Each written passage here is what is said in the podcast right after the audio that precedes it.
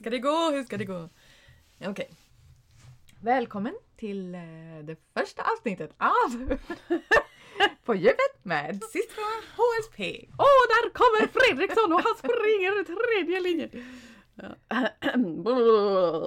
Är det så man gör? Eh, ett djupt andetag. Hej Jossan. Hej Karo. Det här är ju vårt första poddavsnitt. Ja, Det är lite coolt faktiskt. Det, ja. det som vi har valt att kalla för På djupet med systrarna HSP. Kan inte du förklara varför vi kallar oss för det? Varför vi har valt just det namnet? Eh, systrarna HSP är ju för att vi är systrar och vi är båda högkänsliga. Eh, HSP är ju förkortning för Highly Sensitive Person. Och på djupet är ju för att vi gillar att prata på djupet. Vi eh, gillar att ställa frågor. Vi vill veta sånt som är bakom liksom, fasaderna. Eh, bakom ytligheter och bakom sakliga ting. Vi vill ju prata om relationer och eh, livserfarenheter och känslor och sårbarhet och sånt. Det kan man säga. Då mår vi som bäst. Eller hur? Ja, verkligen. Det är därför våra kompisar typ blir trötta på oss ibland. För att vi ställer så många frågor. Ja. Och är så nyfikna. Men det är bra. För nu har vi hittat yrken där vi verkligen får dra nytta av det. Där vi får göra det som vi älskar allra mest. Kan inte du berätta lite vad, vad du jobbar med?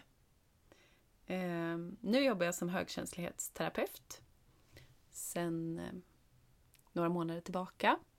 Eh, och jag startade ett nytt företag också i februari. Som heter Tankar om högkänslighet. Från början så har jag egentligen en bakgrund av att ha jobbat som förskollärare i förskola i, under tio års tid. Men sen så hösten 2017 så blev jag utmattad och var sjukskriven. Och sen så visste jag inte vad jag skulle göra. Och jag kände att jag kunde inte gå tillbaka dit, så jag behövde göra någonting annat. Så då hoppade jag på en utbildning eh, och utbildade mig till högkänslighetsterapeut. Och eh, den var under ett år.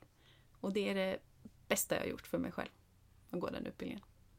Så nu jobbar jag som högkänslighetsterapeut och har vägledningssamtal kring högkänslighet och kring högkänsliga barn. Eh, och jag har en podd om högkänsliga barn tillsammans med min kollega Martina Hårdstål. Mm. Vad heter den podden? Den heter Podden om högkänsliga barn. Och sen så jobbar ju du och jag också ganska mycket ihop. Mm. Eh, vi har ju både kurser och föreläsningar och retreats eh, kring eh, högkänslighet och stresshantering. Så att det blir ju en, en ihopkoppling av båda våra yrkesval kan man säga. Så du kan väl berätta lite vad du jobbar med? Mm. Ja, men det kan jag göra. Jag har ju en bakgrund inom skolans värld. Från början. Jag är utbildad lärare, engelska och psykologi och har eh, breddat med specialpedagogik. Jag jobbade som specialpedagog i, i ganska många år. Eh, men sen var jag med om ganska mycket saker. Jag kan berätta om det i nästa, nästa poddavsnitt när vi ska prata lite mer om mig och mina erfarenheter som högkänslig och vad det har inneburit i mitt liv. Men eh, 2017 var det 2017, 2018 då utbildade jag mig till någonting som heter avspännings och stresspedagog med kognitiv inriktning på Sverigehälsan i Malmö. Ehm, så nu är jag utbildad, som sagt, diplomerad avspännings och stresspedagog med, med kognitiv inriktning och har mitt eget företag, Hållbar hälsa och stresshantering. Och har också föreläsningar och samtalsstöd och avslappningsmassage och alla de här andra sakerna med, med bland annat dig då och andra olika samarbeten. Och både du och jag känner ju egentligen att vi har hamnat väldigt, väldigt rätt. Ja, det får man säga. Att vi, eh, vi är där vi ska vara just nu. Att vi båda trivs jättebra med det vi gör. Mm. När man inte känner någon skillnad på vad som är fritid och jobb, då tror jag man har hamnat rätt. När allt är roligt bara. Och sen tror jag också en jättestor del av att det känns stimulerande och kul för oss är att vi skapar hela tiden. Mm. Och som högkänslig så är man ju kreativ på ett eller annat sätt. Man behöver inte vara kreativ och skapa liksom med fingrarna genom vackra målningar eller så, men man kan vara kreativ och skapa eh, olika lösningar eller eh, projekt eller vad det nu handlar om. Eh, och det är egentligen det du och jag gör hela tiden. Vi Mm. skapar ju hela tiden olika nya saker. Och det är väldigt stimulerande. Vissa saker blir av, andra saker blir inte av. Men det är liksom en ständigt pågående process. Och det är väldigt kul. Mm. Kan inte du förresten berätta lite grann om vart vi sitter någonstans? Hur det ser ut där vi sitter och poddar?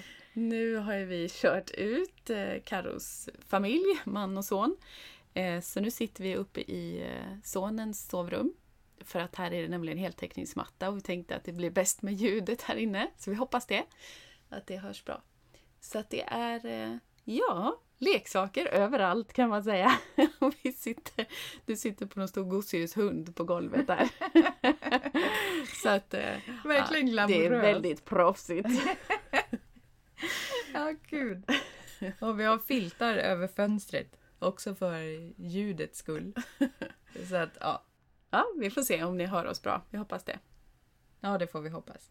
Men du Jossan, idag ska vi ju prata lite mer om, om dig. Alltså jag tänkte att, att det kan vara spännande för lyssnarna att få höra lite grann hur eh, högkänsligheten har påverkat dig genom ditt liv. För jag som har varit med dig hela vägen vet ju hur mycket det har påverkat dig. Mm, det har det verkligen gjort. På olika sätt och vis genom till exempel tvångs, tvångstankar och tvångshandlingar eh, och sådana saker. Mm. Berätta när du var, när du var liten. Liksom. När, när tror du att andra märkte att du var högkänslig? Jag tror nog egentligen att det märktes ganska tidigt. Ehm, jag var ett väldigt viljestarkt barn och hade extremt ehm, stor envishet eh, och så. Men redan när jag var ganska liten så var jag rädd för mycket saker. Jag var rädd, eh, bara, alltså om det kom en traktor ute på ängen där våra farmor och farfar bodde så fick jag ju panik och bara skrek. För att den var stor och det liksom var skräckinjagande och den lät högt och sådär. Jag var rädd för att sova ensam. Jag sov ju alltid i princip hos dig. Det var den klassiska historia att en gång tvingade hon till och med mig att- att jag skulle suga på min lilltå för att jag skulle få sova hos henne. Det är en sån stora systerknep fast egentligen ville hon det själv också. Ja, det är hemskt. Ja. Hemskt när man tänker på det nu efteråt, men lite roligt samtidigt. Ja, det är makten som stora syskon har. Ehm, nej, men jag var rädd för mycket saker, jag var ganska osäker i mig själv. Jag kämpade lite det här med kompisar. Ehm, jag kände mig nog väldigt udda och annorlunda Mm. redan ganska tidigt. Men framförallt tror jag under, under mellanstadiet var det nog.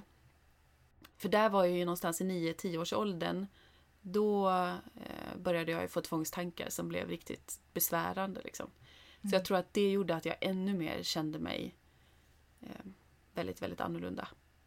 Det var efter den perioden när du satt och grät framför spegeln va? och tyckte att du hade så vackra ögon när du grät. ja, exakt. I know. Det, då då det, hade du lite bättre självförtroende just då. det som är väldigt roligt är att det verkar gå i arv. För min, Nej. min dotter säger exakt likadant. Hon bara, och jag får så fina ögon när jag gråter. det är sjukt. Förlåt, Eh, det var inte meningen att avbryta. Jag Nej. tycker bara det är lite roligt. Ja, men jag, jag var väldigt, väldigt osäker och jag hade ganska många stunder där jag tyckte att livet var riktigt, riktigt tufft. Jag kommer ihåg en gång när jag var kanske ja, men tio kanske då. Ehm, när vi bodde i Åkersberga utanför Stockholm, eller det är ju där vi är uppvuxna. Ehm, och då satt jag någon dag och grät inne på toaletten. Jag grät och grät och grät och grät och du fick komma in och vara min lilla psykolog. Och jag kommer ihåg att jag sa det till dig att om livet ska vara så här så vill inte jag leva.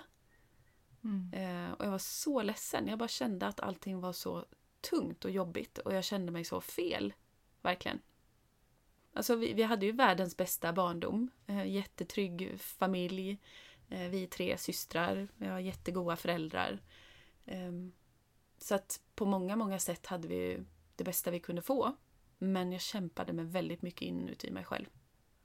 Och jag tror att det var ihopkopplat med att jag insåg att världen var stor och läskig och det här med högkänsligheter, med katastroftankar och ältande. Att det blev liksom en följd av det. Mm. Vad tror du att dina tvångstankar och tvångshandlingar handlade om? Det var ju egentligen väldigt mycket alltså, rädsla för att det skulle hända mig själv eller någon i familjen någonting. Det var mycket liksom, katastroftankar tror jag som eh, ledde fram till tvångstankarna. Mm. Tänk om tankar ja. Ja, väldigt mycket sånt. Ehm, som högkänslig så har man ju en djup bearbetning och man tänker väldigt mycket. Tänker mer än gemene man. Ehm, man kan lätt hamna i liksom katastroftankar och ältande och man tänker i flera olika led. Men om det blir så här, vad kan hända då? Tänk om det blir så. Liksom sådär. Så jag tror att eh, det kommer med en ålder, alltså när man är 9-10 där och man tar in ganska mycket av liksom omvärlden. Vad händer runt omkring? Um, och jag tyckte att världen var stor och läskig. Och jag fick panik över allt jag inte kunde kontrollera. Så jag tror att tvångstankarna var ett sätt att på något sätt lura mig själv att jag kunde kontrollera det som var så stort och läskigt.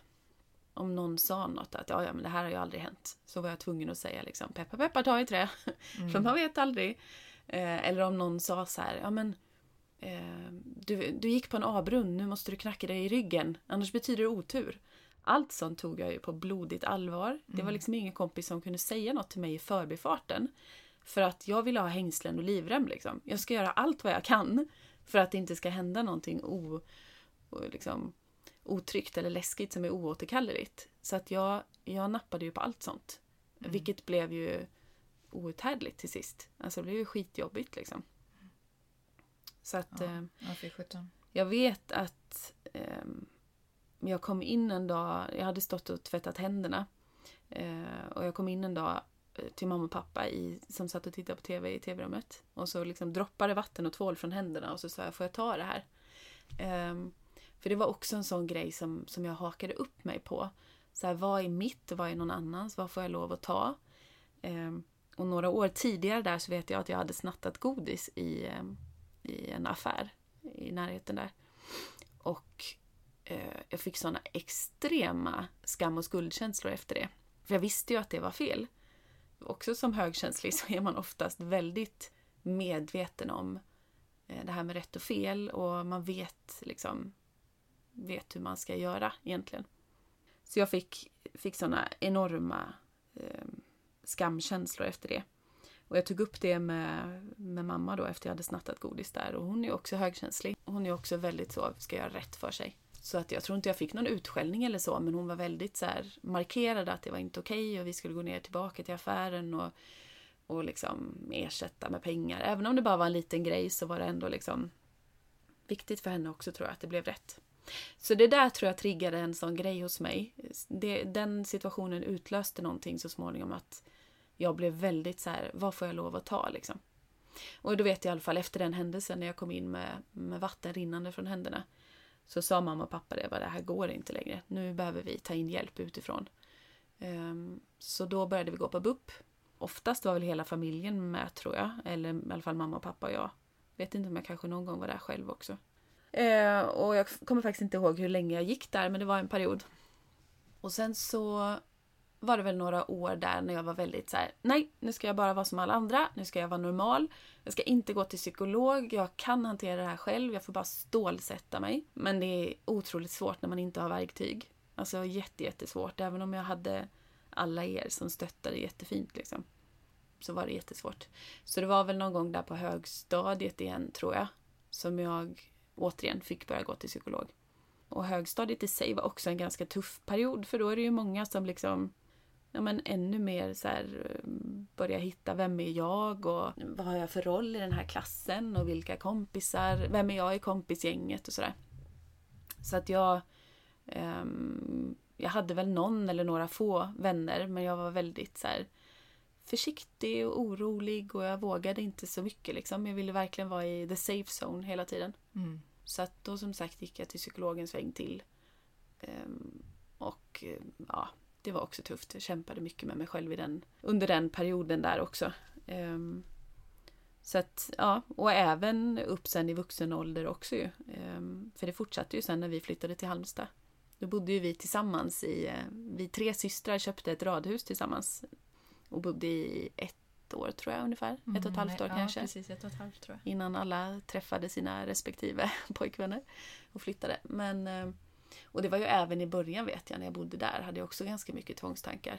Alltså jag kunde liksom inte gå och ta ut ett glas ur skåpet så här, bara så. Utan då behövde jag stanna på vissa ställen på vägen och mycket så här rituella grejer liksom.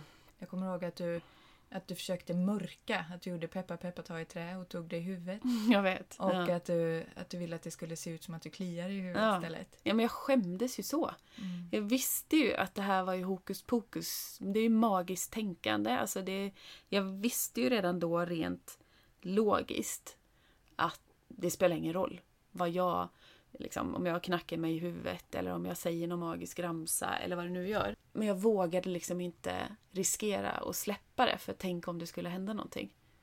Så att även som vuxen här i Halmstad gick jag också till psykolog under en period och jag gick i KBT-terapi för jag hade så mycket getingfobi också. Så att Var ja, kom den getingfobin ifrån? Det är ju ganska intressant när vi har ja, tänkt på det nu efteråt. För jag fick ju också det helt plötsligt. Mm. I vuxen ålder liksom. ja, du hade inte det ens innan här, nej, kanske? nej. För jag hade ju ändå det sedan jag var barn. Ja. Och ja, jag, vet inte hur gammal jag var men det var säkert också kanske där i 8, 9, 10 års ålder någonting. Jag tror det var ganska mycket rädslor och olika grejer som påverkade mig där. Mm. Men eh, det, var, det har varit en väldigt häftig resa att göra den här eh, högkänslighetsterapeututbildningen. För att det är ju inte bara det att man lär sig hur man kan vägleda andra utan det var ju väldigt mycket alltså, utveckla sig själv också. Mm. Så då har jag liksom fått plocka fram mycket av det här gamla, mina gamla sanningar om vem jag är och vad jag inte kan och vad jag kan och alltså så, vad som är rätt och vad som är fel och sådär. Och eh, jag fick liksom syn på det här med getingfobin i ett annat sken för att det var egentligen inte min rädsla från början. Nej. Eh, våran mormor är ju allergisk mot getingstick Mm. och som liten Har vi fått höra i alla fall? Ja, hon- nej. ens sett det själva. Att hon har fått någon reaktion eller så. Nej, jag tror inte det. Men det vi har sett är ju att hon har varit väldigt så här. Åh, nu kommer en geting, nu måste jag akta här. Alltså inte kanske så här paniskt att hon har sprungit därifrån, men hon har varit väldigt så här. mm, Ja, jag har märkt att det har varit en uppstressad situation i alla fall Mm. kring när det har kommit getingar. Eh, Och mamma har ju också blivit stressad och det har varit många som liksom Ja. Akta mormor, akta nu kommer getingarna. exakt. Mm. Eh, och som högkänslig så läser man ju in väldigt mycket. Mm. I- Smittas av andras. Ja, exakt. Smittas av andras känslor. Vi har ju starkare aktivitet i våra spegelneuroner så vi fångar upp jättemycket av hur andra människor mår och känner sig och sånt. Mm. Även om de kanske inte ens har uttalat det själva än så känner vi av mycket. Ja, men just det här med andras rädslor och sånt fångar man också lätt upp. Att så här, "Åh, shit, okej, det där verkar tydligen vara farligt. Det där är någonting jag ska akta mig för. Mm. Det har ju med amygdala att göra, alltså kroppens brandalarm. Just den det. som ska skydda oss för, från hot och faror. Den är ju också extra känslig eller extra aktiverad hos oss högkänsliga. Mm. Den är lite mer på tå kan Mm. man säga hela tiden Mm, än hos många andra människor. exakt. Och vi har ju också högre nivåer av kortisol som Mm. är stresshormon. Vi har ofta lägre nivåer av serotonin som är lyckohormon. Så att det är mycket i kemin också som påverkar eh, på något sätt, alltså påverkar personligheten och hur vi är. Mm. För högkänslighet är ju ett personlighetsdrag. Det är ju ingen diagnos eller något annat. Man kan inte gå till en läkare och få fastställt att man är högkänslig. Utan det handlar ju egentligen om att läsa på och se hur mycket man känner igen sig själv. Liksom. Mm. Så att så är det. Men jo, så till sist så, så insåg jag ju det i alla fall att men shit, det här är ju inte min rädsla. Det här kommer ju helt från mormor. Mm. Det här har jag plockat på mig för att jag har märkt att hon har behövt vara på sin vakt. Jag fångade upp att det var någonting man skulle akta sig för. Och jag applicerade det på mig själv. Att okej, shit, jag har en getingfobi. Jag är livrädd för getingar. Och vissa somrar när vi var små gick jag i princip inte ut. För att jag var så rädd för getingar. Mm. Eh, och jag vet liksom, mm, ja, när det var så här, ja, men kom nu, nu ska vi äta middag här ute på balkongen. Och jag bara vägrar. Mm. Jag tänker inte sitta där. Jag sitter inne själv då och äter middag för jag vägrar gå ut liksom. Ja, tänk vad många somrar som blev förstörda liksom, Mm. på grund av den rädslan. Ja, Men jag men tänker verkligen. även, även på det här med allergier. Mm. Det var ju också en ganska stor del Mm. egentligen av din, dina rädslor. Mm. Liksom så. Verkligen. Jag har ju Alltså jag har ju en pollenallergi i grunden, vilket i sig kan ge olika så här, korsallergier. Att man kan vara eh, överkänslig mot nötter och stenfrukter och sådär. Och jag har ju gjort någon sån här, eh, tagit något eh, blodprov tror jag när jag var yngre och jag har även gjort så här pricktest och kollat vad jag är allergisk mot. Eh, men jag vet ju någon gång, typ när jag hade ätit tomater tror jag när jag var liten, så fick jag lite så här röda utslag i armvecken. Då fick jag också panik och bara okej, okay, jag ska undvika tomater. Nu och för all framtid ungefär. Eh, och jag vet att mamma berättade om så att hon inte tålde skaldjur. Hon hade någon gång fått en allergireaktion på det ju. Mm. Så då blev jag livrädd för det. Skulle aldrig någonsin äta skaldjur. För det kunde vara jättefarligt liksom. Och det satte sig ju också som en så här tvångsgrej. Jag läste ju på alla möjliga förpackningar. Mm. Alltså verkligen sånt som verkligen var uppenbart att det inte innehöll nötter till exempel, som jag inte tålde. Det kunde ju vara liksom en, en burk med sylt eller vad som helst. Jag ska bara läsa här. Så det blev ju också verkligen en hang-up. Um, men ja, men det är väldigt skönt eh, nu för tiden. Även med såna grejer för att jag känner mig, jag känner mig så fri. Mm. Alltså nu kan jag vara mer så här. Ja men okej, det är lite mandel i det. Ja, det kan vara att jag är över, lite överkänslig mot det. Men jag kommer ju inte dö på fläcken liksom. Så jag testar att äta det lite och så får vi se hur det känns. Det skulle jag aldrig någonsin ha gjort när jag var liten. Aldrig, aldrig, inte ens om jag hade fått pengar. Nej. Och det skapar en känsla av inre frihet. Att säga, jag bestämmer själv. Mm. Jag behöver inte leva efter alla de här grejerna som jag trodde när jag var liten. Jag har ju skrivit liksom sida upp och sida ner med massa sanningar jag har haft med mig själv. Mm. Jag är en rädd person. Jag är... Eh, jag har fobi för det här och det här. Jag är tråkig. Jag är feg. Jag är si och så. Jag kan inte det och jag kan, du vet, inte vara på det här sättet och så. Och sen så gick jag igenom en efter en och bara, stämmer det här fortfarande? Eller är det här någonting jag bara hade liksom behov av att på något sätt tro på när jag var liten? Mm. Och jättemånga av dem har ju strykit över. Mm. Bara, den stämmer inte, den skrotar vi, skit i den. Och sen efteråt bara, ah, jag är fri. Alltså, mm, så Det är som att skönt. man tar upp en sten i taget från sin ryggsäck mm. och lyser med lampa liksom på mm. det och verkligen ja, men tar upp det i ljuset, tittar på det och, och väljer sen om det är någonting som man i princip vill ha kvar eller inte mm. ha kvar. Ja, man ska verkligen inte tro på allting man tänker. Nej. Vi tänker eller vad himla... andra säger för den Nej, delen det heller. också. Nej, för det kan ju också vara sådana sanningar man plockar mm. på sig. Sånt som någon annan har sagt. Verkligen. Och kopplat till det här med högkänslighet och högkänsliga barn så kan det också vara att vi som är högkänsliga kan ju lättare bli överstimulerade. Eller, alltså det är ju som en kraftig stressreaktion. Och det har ju att göra med att vi har den här djupa bearbetningen. Vi eh, tar till oss alla de här subtila stimulierna. Vi påverkas av fler liksom, små nyanser av olika grejer än vad andra gör. Mm. Um, och det kan ibland bli liksom en overload för hjärnan. Att vi tar in så himla mycket och hinner inte processa och bearbeta allting. Så då blir det liksom korvstoppning. Mm.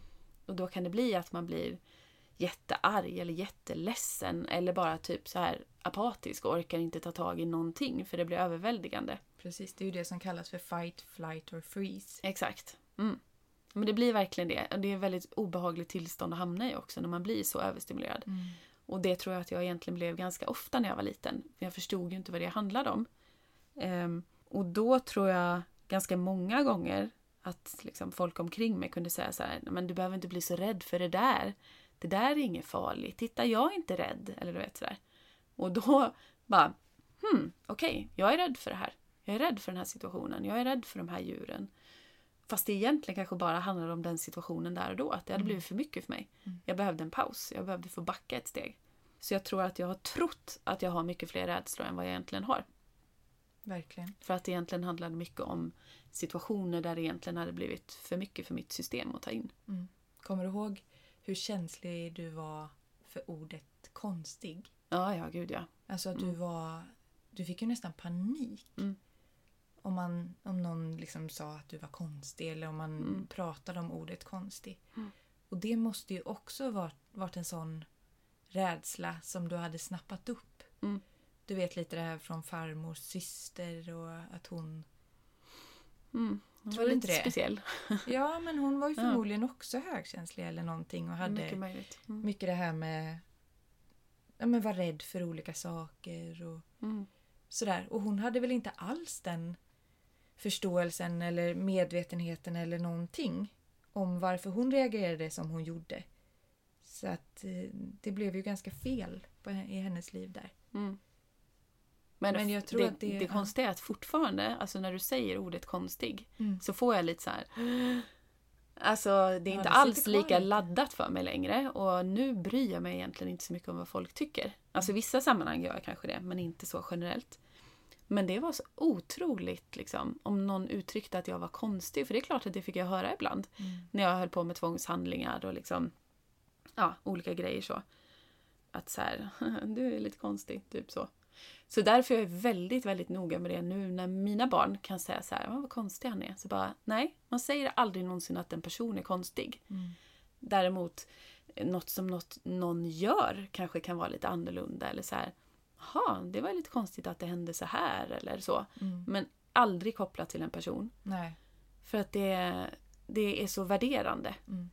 Och jag? Ja. ja, och jag gillar verkligen inte det här när man ska hålla på och värdera saker hela tiden. Eller stämpla eller liksom sådär. Nej. Nej. Sätta sanningar på grejer. Det är ju samma sak som att jag försöker vara väldigt noga med min son och säga att personer är inte dumma. Mm. De kan göra dumma saker. Mm. Men en person är inte dum. Att man lär dem redan från när de är små att skilja mellan Sak och person. ja, alltså Mm. det man gör och personen man är. De är verkligen. Det tror jag är viktigt. Men, men jag tänker på dig som, eller tänker på en sak som vissa kanske funderar på. Ehm, påverkade det här skolan för dig på något vis? Kan inte du berätta om hur det var i skolan? Påverkade högkänsligheten dig där på något sätt? Ja, det gjorde du, men jag visade inte det där. Nej. Det kom ju när jag kom hem, så som det är för många högkänsliga barn. Jag tror egentligen, jag älskade förskolan, trivdes jättebra på förskolan. Eh, och jag tror egentligen på många sätt att jag trivdes i skolan med. Jag tyckte nog egentligen att det var ganska kul att lära mig nya grejer och hade nog hyfsat lätt för att lära mig liksom, och läsa och skriva och sådär. Men däremot var jag ju väldigt känslig för det här med lärarnas tonfall. Ehm, om jag kände mig utanför bland kompisar, om det var olika så faktorer som kändes otryggt. Jag kommer fortfarande ihåg när min första lärare, alltså, som- då gick jag ju typ i ettan tror jag, att hon någon gång röt ifrån. Och jag tror egentligen kanske att hon röt ifrån mer gentemot klassen. Och jag tog det superpersonligt. Jag tyckte det var så obehagligt. Och det är också det man brukar tipsa lärare om som undervisar barn och där det kan finnas högkänsliga barn. Att eh, aldrig liksom dra alla över en kam, kant, vad det nu heter. Jag lär mig aldrig. Nej, inte jag heller. Men det här med kollektiv bestraffning i alla fall. För det tar väldigt, väldigt hårt på högkänsliga barn. Mm. Och de är väldigt ofta så här... Om de vet att de inte har gjort någonting fel Ja. och de ändå får skäll så tar de jätteilla vid sig oftast. Högkänsliga barn. Och det var väl det jag gjorde också som liten. Så att jag tror egentligen att jag var liksom ganska mycket duktig flicka i skolan. Mm. Och ganska så här ordentlig och du vet så. Jag räckte aldrig upp handen. För att jag gillade inte att prata om jag inte var hundra, hundra, hundra säker på att det jag sa var rätt. Ja, just det. Så det fick jag höra på varenda utvecklingssamtal. Ja, men jättebra, du kan så mycket och du visar det i skriftliga prov och allting. Men du måste räcka upp handen mer. Mm. Visa mer muntligt vad du kan. Det var samma för mig. Ända i alla fall upp till högstadiet eller möjligtvis till och med Mm. gymnasiet. Men hela låg och mellanstadiet fick jag höra varenda utvecklingssamtal att jag måste prata mer. Mm. Att jag måste liksom höras mer, synas mer. Mm. Och dels har väl det säkert att göra kanske med hur man är som person och om man är introvert eller extrovert eller så också. Men också som sagt generellt det här med högkänsliga barn att de brukar inte prata rakt ut om de inte är säkra på att det de säger är, stämmer. Oftast är det ju bättre att ge dem kanske andra liksom, varianter på hur man kan redovisa det man kan. Eller att man får redovisa inför en mindre grupp eller någonting sånt. Usch, Mm. det var det värsta jag visste, att stå och prata framför klassen. Eller hur? Och nu håller jag föreläsningar Mm, framför hundratals människor. Ja, det är ju rätt lustigt. Ja. Eller hur? Men det jag också har fått höra hela livet, eller framförallt som vuxen, eh, för det vet jag ju även när jag gick eh, lärarutbildningen och vi skulle ha olika redovisningar. Då kunde jag ju vara super, super, super nervös. Och så fick jag alltid höra liksom efteråt så här, men gud var du nervös på riktigt? Det märks ju inte på dig. Du, det syns ju inte överhuvudtaget. Och jag vet det att, och det var ju samma när vi har hållit tal för, för liksom varandra på varandras bröllop, eller vi höll på vår äldsta systers bröllop. Och du blev jättesentimental och, och rörd och började gråta. Och jag var så superfokuserad och bara, ska jag ta över din del också? Ska jag säga det du skulle sagt? För då, då liksom trycker jag på autopilot på något sätt och så bara pratar jag. Så att, eh, ja, för mig är det viktigt att vara väl förberedd för det jag ska göra. Sen kan jag liksom freebasea eller släppa lite, behöver inte stå och läsa i papperna hela tiden. Men jag vill ha en grund liksom. Mm. Så, och det tror jag egentligen kanske var lite så redan i skolan, att jag ville inte göra några oförberedda saker eller bara få en fråga kastat på mig. Nej, Då vill jag få förbereda det ordentligt först. Liksom. precis. Jag kommer ihåg att jag kräktes till och med en gång innan jag skulle ha sån redovisning på högskolan. Mhm. Jag var skitnervös. Mm. Tyckte det var så jobbigt att stå och prata framför folk. Mm. Och det är väldigt, väldigt många som tycker det är jobbigt. Mm. Men nu är det skönt för att nu har jag Alltså vi pratar ju mycket om det här med var man har sin barriär. Mm. Om man har den uppe eller nere. Alltså om man har barriären uppe så är man ju oftast mer i prestation. Mm. Man tänker mer, liksom, man har mer fokus utåt, tänker mer på så här, hur uppfattar andra det här jag säger? Tänk om de genomskådar mig, att jag egentligen är bluff och inte kan någonting eller du vet så. Ehm, och då litar man liksom inte till det man själv vet. Medan om man har sin barriär nere, då vågar man vara mer sårbar.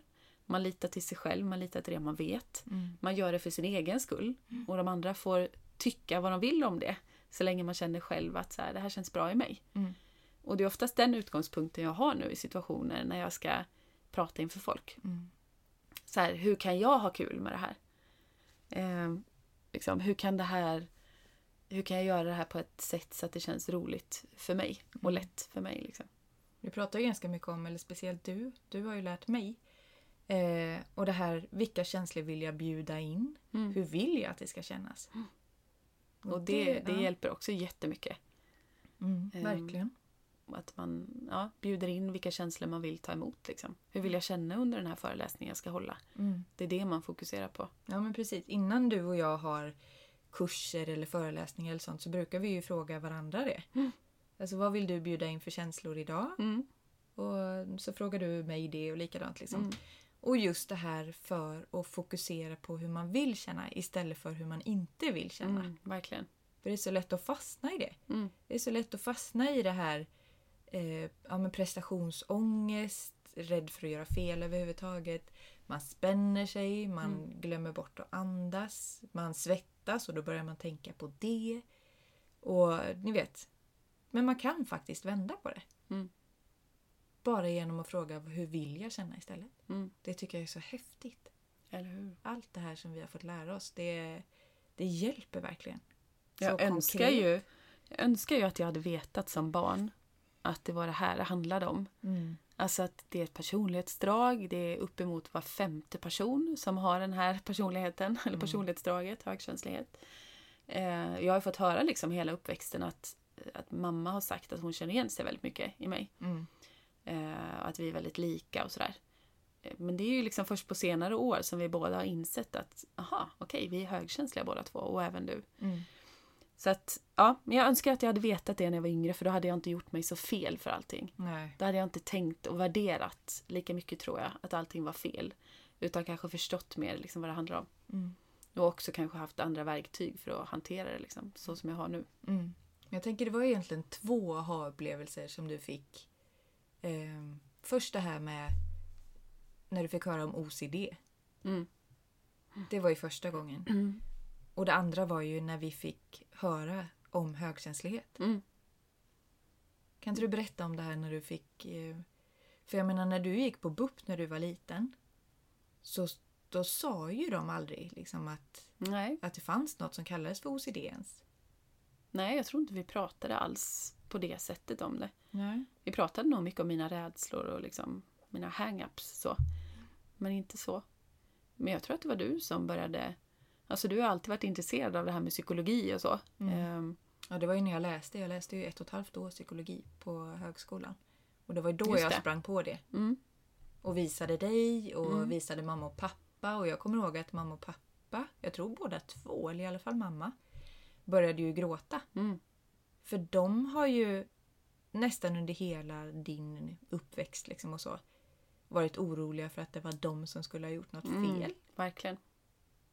Och De förstod ju inte heller vad det handlade om. Liksom. nej. Så de tyckte det var jätteskönt att få lite förklaring till varför jag kämpade så med vissa grejer. Mm. Och att det inte var att de gjorde fel på något vis. Liksom. De gjorde ju verkligen så gott de kunde. Mm. Men sen, eh, alltså, sen när jag gått hos psykolog eh, som vuxen så gjorde jag ju någon sån eh, liksom, utredning eller vad man säger, fick fylla i något sånt papper om det. Och jag tror egentligen att jag hade ganska lätt eller lindrig OCD Mm. jämfört med hur man kan ha det liksom, om det är riktigt tufft så. Men det jag framförallt har liksom insett sen när jag har lärt mig mer om högkänslighet är att så här, men det är det här, alltså jag tyckte det var så skönt att Mm. läsa om det. Jag var helt euforisk och bara, jag är högkänslig. Det är det det handlar om. Det är bara att jag har ett känsligare nervsystem än, de, än många andra som inte är högkänsliga. Mm. Jag tar in mer, jag filtrerar mer och djupare. Eh, Och du Och- har ett starkare hot och farasystem. exakt! Liksom. Mm. Därför att alltså, om man tänker tillbaka på liksom djur som lever i flockar eller för jätte, jättelänge sedan när vi levde på savannen eller vad som helst. Då var ju de högkänsliga var ju gruppens brandalarm. Mm. Det var ju vi som snabbast upptäckte faror eh, och hot och liksom hade koll på det så att vi kunde varna resten av gruppen. Mm. Eller de högkänsliga individerna som sagt i en, i en grupp med djur så, eller flock med djur. Eh, så att, eh, jag menar, vi är ju precis lika viktiga som de som kanske är mer de här mm, våghalsiga som springer rakt ut och liksom bara ja, kör Precis. på liksom. Och för mänskligheten framåt Ja. i, i, i de... Båda personlighetstyperna, eller alla personlighetstyper, är ju lika viktiga för liksom evolutionens gång på något sätt. Ja. och för att arten ska leva vidare. Så att jag tyckte det var jätte, jätteskönt att läsa om det och också jag tror att jag hade mer kanske stämplat mig själv med det här med tvångstankar och så.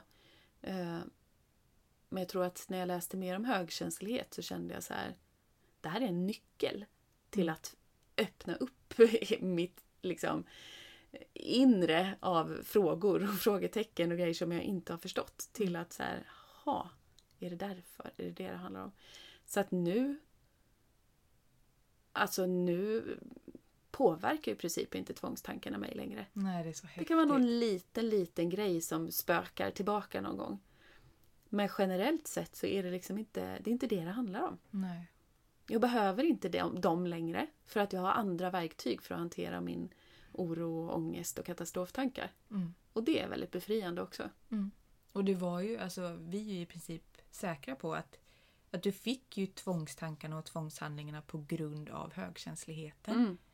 Ja men det tror jag verkligen. Alltså det var ju högkänsligheten som är själva basen Mm. Exakt. i det som kom med ångest och alltihopa sen. Det var ju för att Mm. du inte visste riktigt hur du skulle hantera, Nej, verkligen. hantera världen så. Och jag vet ju det, alltså det är ju långt ifrån alla som är högkänsliga som, som har liksom tvångstankar. Så. Eh, men det finns ju en hel del som har haft ätstörningsproblematik eller självskadebeteenden eller så. Sen finns det absolut de som inte har haft något problem med sånt alls. Men det som är är ju att många högkänsliga kämpar ju verkligen med det här med att hantera sin oro Mm. och katastroftankar och allt det här inre som bara ibland brinner i en. Mm. Och jag tror att vissa kanske är mer liksom Vissa behöver liksom på något sätt få utlopp för det genom kanske tvångshandlingar eller sådana grejer. Mm. Eh, vissa kanske bara håller inom sig och mår dåligt. Vissa kanske går och pratar med någon och får hjälp snabbare. Mm. Vissa kanske går och slåss på stan. Absolut. Alltså det, det är ju lika vanligt bland tjejer som hos killar. Med högkänslighet ja. Ja. Mm. Och jag tror att man hanterar det väldigt olika. Mm. Och jag tänker förr bakåt i tiden. När killar kanske mer då skulle vara de här macho som inte riktigt grät kanske eller Mm. du vet sådana saker. Det, ja, det var nog lätt att det vändes inåt Mm. Och blev tuffare nästan ju äldre man blev. Verkligen. Men det är ju bara en gissning från min sida. Alltså så. Ja, men det är, alltså, det är klart, det finns mycket man kan tänka och gissa om det här. Eh, Men det vi vet är att det har forskats på högkänslighet sedan 90-talet. Mm. Så det är inget nytt, det är ju bara att vi i Sverige är lite efter. Mm. Norge och Danmark har ju också egentligen varit mer liksom, framstående inom det här. Och det vet jag bara kring det här med högkänsliga barn och så att där finns det ju fler liksom, böcker och sånt också skrivna i, det ämnet. Ehm, men det är i alla fall jag tycker att det är vanligare nu för tiden när man nämner att folk känner igen begreppet. Mm, verkligen. Det var ju det jag sa till dig Ja. bara för ett tag sedan att nu när jag har föreläsningar, bara skillnad på två år. Mm. Eh, det är jättestor skillnad Mm. med hur många som liksom känner till begreppet högkänslighet. Och de kanske inte vet så jättemycket om det, men de har i alla fall hört det. Mm. Och det tycker jag är fantastiskt. Mm. Eller hur? För det Ja, behövs absolut. en större kunskap om det. Det finns alldeles för många människor som fortfarande går runt och känner sig konstiga. Eller ja, har oro och ångest som Mm. man kanske bara inte vet hur man ska hantera. Mm. Verkligen. Som man faktiskt kan få nycklar och hjälp med om man blir medveten, medveten Mm. om att man är högkänslig. Och det tycker jag också, och det märker jag ju själv ändå efter alla gånger jag har gått som sagt till psykolog och så. ehm, att det är ju skillnad på att prata med eh, liksom, en psykolog som, eller terapeut eller vad det nu är, vem det nu är, som har kunskap om det här med högkänslighet. Mm. Mot att prata med någon som inte vet någonting om det alls. Nej. För det är ju otroligt väsentligt i liksom, hur olika saker tar sig uttryck hos en. Mm. Just för att det är så himla mycket som bottnar i högkänsligheten. Mm, det är ju det. Så att eh, vi fick ju vägleda varandra och så också under utbildningen. Eh, fick även samtal då med, med Malin och Ina som höll utbildningen och sådär också. Och det var ju bara så här så många aha-upplevelser. Mm. Och en sån, ett sånt tillåtande eh, och bara ja, men en helt annan lätthet och, och en snabbare form av terapi också än, än många andra liksom, terapiformer när man går till psykolog eller så. Där kan, kan jag känna i alla fall, eller för min egen del, att det har känts som en mycket längre och mer utdragen process Mm. innan man kommer till kärnan i vad det handlar om. Och det är därför jag älskar att jobba på det här sättet också. Mm. Alltså när jag själv vägleder klienter nu, att eh, det är olika såklart, liksom olika klienter vad man kommer in på. Men liksom det är inget kallprat utan det är direkt så här, hej vad vill du prata om idag? Mm. Och det tycker jag är så befriande. Mm. Och att man kommer så fort in på så här kärnan i det. Ja. Ehm, så att, ja, och det är också häftigt för att det är ju, nu oftast så har jag ju samtal över telefon men även ibland på plats här i Halmstad. Ehm, och nästan alla gånger så känner jag mig påfylld med energi efteråt. Mm. Att så här, det ger mig energi att få vägleda och, och liksom så, hjälpa andra. Mm. Och det brukar ju du och jag prata om också. Att så, här, så häftigt att vi får ha ett sånt yrke där vi både kan få bidra men även bli påfyllda av energi själva med. Liksom. Mm. Ja, det är underbart. Ja, det är verkligen härligt. Jag håller helt med och jag lär mig så mycket. Eller Av hur? varje människa så lär jag mig så mycket. Mm. Jag håller med. Så att, men jag tänker att både du och jag och mamma och sen till viss del våra barn också är ju högkänsliga. Mm. Men vi är ju väldigt olika. Mm. Så kan inte du berätta lite mer om det? För det, det är ju inte riktigt så att man är eller inte är högkänslig och att alla är likadana. Liksom. Nej, men precis. Alltså högkänslighet är som sagt ett personlighetsdrag. Det är lika vanligt hos män som hos kvinnor, som du sa förut. Mm. Eh, ungefär 70 procent är introverta. Vad betyder det? Eh, det är ju egentligen att man eh, framförallt laddar batterierna mycket genom att vara själv. Man kanske hellre umgås i lite mindre sociala sammanhang. Man har ofta hellre några få med väldigt nära vänner än väldigt många ytliga liksom, bekanta. Eh, så. Sen handlar det ju om också att man, man tycker om att vända fokus inåt. Mm. Behöver tid för reflektion och Ja. eftertanke och återhämtning och så. Och det gör man ju lättast när man är själv. Mm. För annars när man umgås med andra så, så pockar ju oftast andra människor på den uppmärksamheten. Mm. Och då vänds ju fokus utåt igen. Verkligen. Så känner jag i alla fall. Mm. Och det brukar ju också du och jag prata om jätteofta. Att just det här med egen tid Mm. är ju för oss alltså ett grundläggande behov. Mm. Alltså typ som att äta och sova. Mm. Jag känner att jag funkar inte som människa om jag hela, hela tiden omger mig med andra och tar in hela deras energier. Mm. För att eh, det blir liksom ingen... det blir ingen inre ro för mig på det sättet. Inte mig heller. Ehm, och det kan vara svårt att förklara för någon som är extrovert. Som båda våra män egentligen är ju mer åt det extroverta hållet. Mm. Ehm, och ja, som sagt 30 procent ungefär av alla högkänsliga då är extroverta. Mm.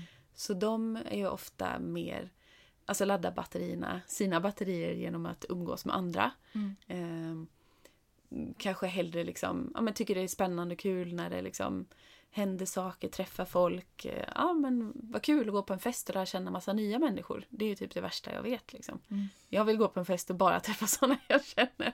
Eller vara i ett väldigt tryggt socialt sammanhang i alla fall. Mm. Ehm, så att ja, Men jag tycker det är lite Det är spännande olika. för många, många kanske kopplar ihop det här med att vara introvert till att vara inåtvänd. mm, Att man inte i princip kan, kan vara social eller att man, man är kanske mer av den här eh, blyga typen om man säger så.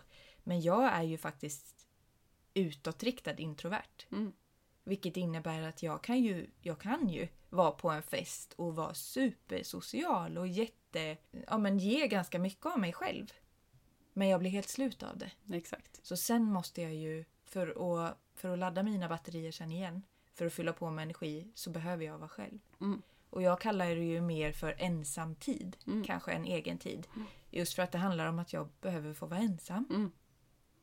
Precis. Och jag Eh. tror egentligen ehm, Jag tror egentligen att vi är utåtriktat introverta, båda Ja. två. Ja, absolut. Ehm, jag vet som jag nämnde där med de som jag gick utbildningen med, så nämnde jag någon gång så här att ja men jag är ju introvert. Och de bara va? Du är väl inte introvert? Du pratar ju och känns liksom bekväm i och ja, så här, prata inför folk och så. Och jag bara, men det är ju för att det är ett tryggt sammanhang. Mm. För att jag känner mig trygg mer.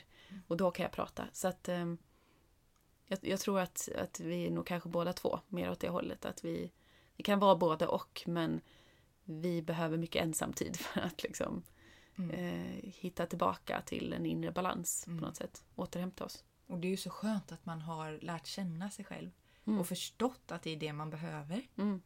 För det är så lätt att försöka liksom leva upp till alla förväntningar och roller Verkligen. liksom och allting som finns.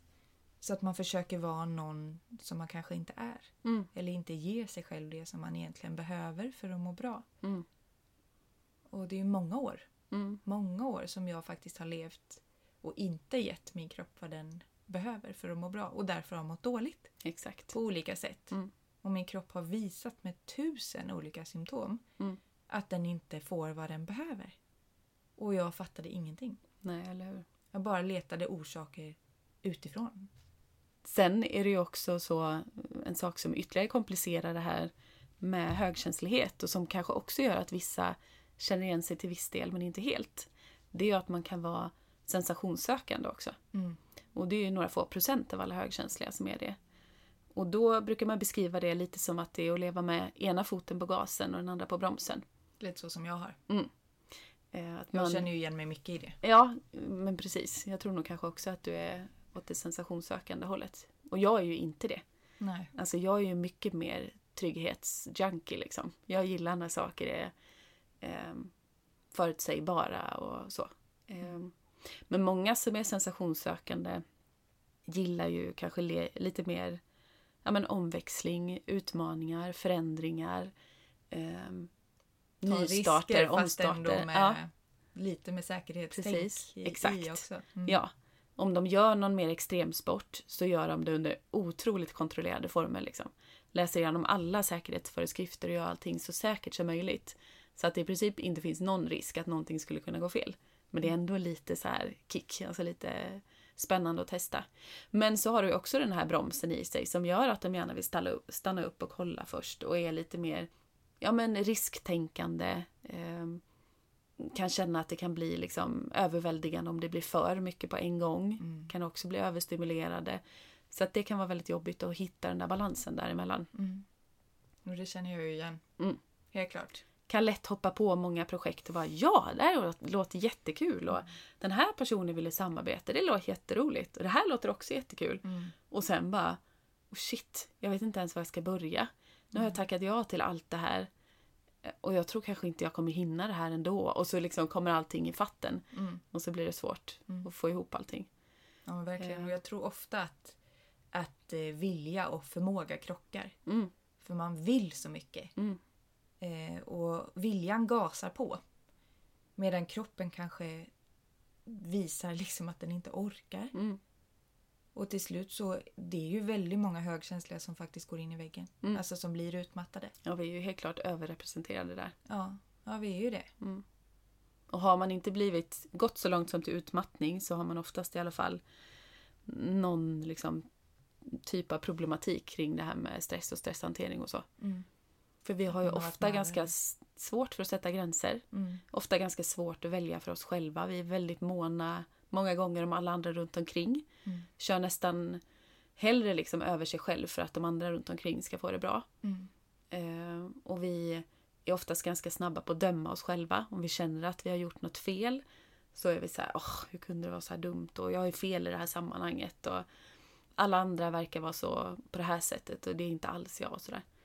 Så att eh, vi har risk för att hamna i, som sagt, den här gruppen av personer som lättare går in i väggen. Liksom. Det är därför som jag också tycker att det är så viktigt Mm. att fler får reda på det här Mm. med högkänslighet. Och då ju... kan man lättare bromsa i tid Mm, och förstå vad man behöver för att må bra. För det är ju det som är det viktiga. precis. Och det är där också du och jag verkligen som sagt har slagit våra kloka huvuden ihop och har det här med stresshantering för högkänsliga.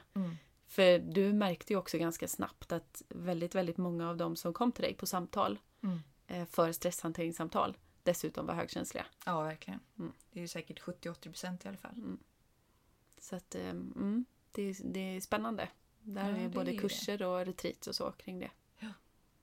Men du Jossan, jag känner ju att nu får vi kanske börja avsluta lite här. Men det, det ska ju bli otroligt spännande att fortsätta den här podden med dig tycker jag. Mm, ja men det är samma. För det, det ska bli roligt att intervjua människor Mm. och höra om deras livserfarenheter och vad de har gått igenom i sina liv kring det här med högkänslighet och så också. Mm. Och för att vi får chansen faktiskt också att sprida mer kunskap och medvetenhet om högkänslighet Verkligen. till andra. Men du, om man vill läsa mer om, om ditt jobb och vem du är och sånt, var går man in då någonstans? Ja, då kan man gå hemsida? in på, på min eh, hemsida hållbarhälsahalmstad.se fast utan ringarna över då. Vad heter du på Facebook och Instagram? Där heter jag Hållbar hälsa stresshantering. Och min hemsida heter tankaromhögkänslighet.se och eh, detsamma på Facebook och Instagram, tankar om högkänslighet. Mm. Så eh, får vi hoppas att vi hörs snart igen. Mm. Tack för att ni har lyssnat idag. Tack så jättemycket. Ha det bra! Hej hej!